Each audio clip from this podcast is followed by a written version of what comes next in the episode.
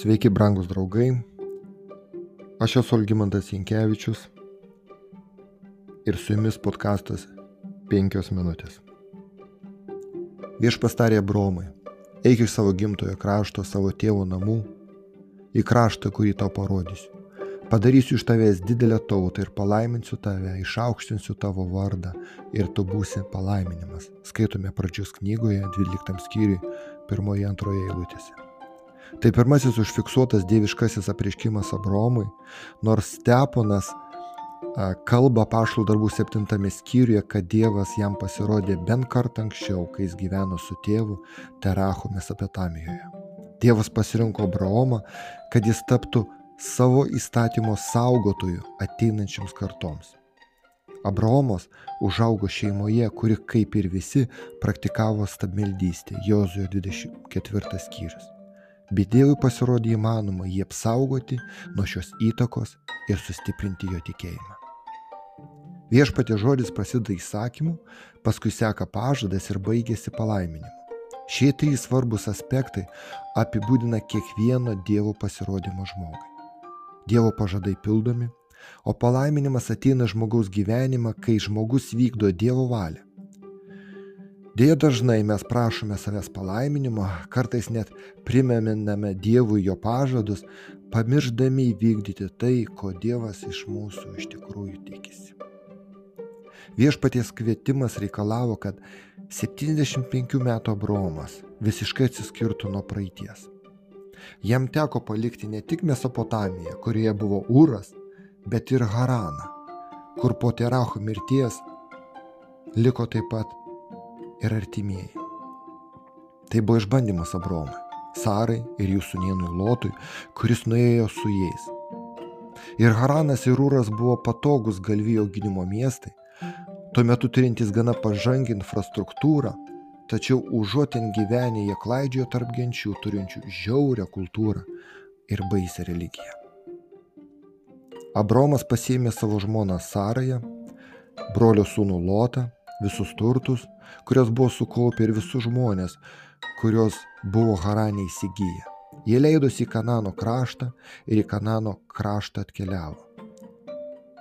Tarpai sustodamas Abraomas per Kanano kraštą keliavo iki pat Morės ažulo vietovės prie Sichemo. Tuomet krašte buvo kananiečiai. Viešpat pasirodė Abraomui ir tarė, šį kraštą duosiu tavo palikonėms. Ten Abraomas pastatė jam pasirodžiusiam viešpačiui aukurą. Pradžios 12 skyrius 5-7 eilutės. Nors šis žingsnis buvo tikėjimo į Dievo pratimas, tuo pačiu metu Kai kurios sprendimus visgi Abromas priėmė vadovaudamasi savo paties sprendimu. Užuot apsistojęs prie Morės ažulo, jis nuėjo į pietus ir kiekviename žingsnėje jo tikėjimas buvo vis labiau išbandomas. Bados tapo klajoklių palidovu, o laikui bėgant jis taip išaugo, kad Abromas nusprendžia vykti į Egiptą. Pradžios 12 skyrius 10 eilutė. Perpildyta Nelo delta visada traukė žmonė, žmonės savo gausa, to ji buvo panaši į jų gimtąją Mesopotamiją. Tačiau jo buvimas Egipte pasirodė dar vienas išbandymas Abromui. Baimindamasis, kad dėl savo gražios žmonos Saros gali būti nužudytas, jis pradeda apgaudinėti ir pristato ją kaip savo seserį. Kai paaiškėjo šitą gudrybę, paaiškėjo, kad Egipto faraonas labiau bijo Dievo nei manė Abraomas.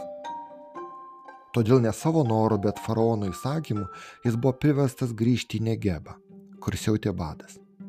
Nepaisant to, Abromas grįžo ten, kur jau buvo, prie altoriaus, kurį pačioje pradžioje buvo pastatęs Dievui, ir ten jis šaukėsi viešpaties vardo pradžios 13 skyrius.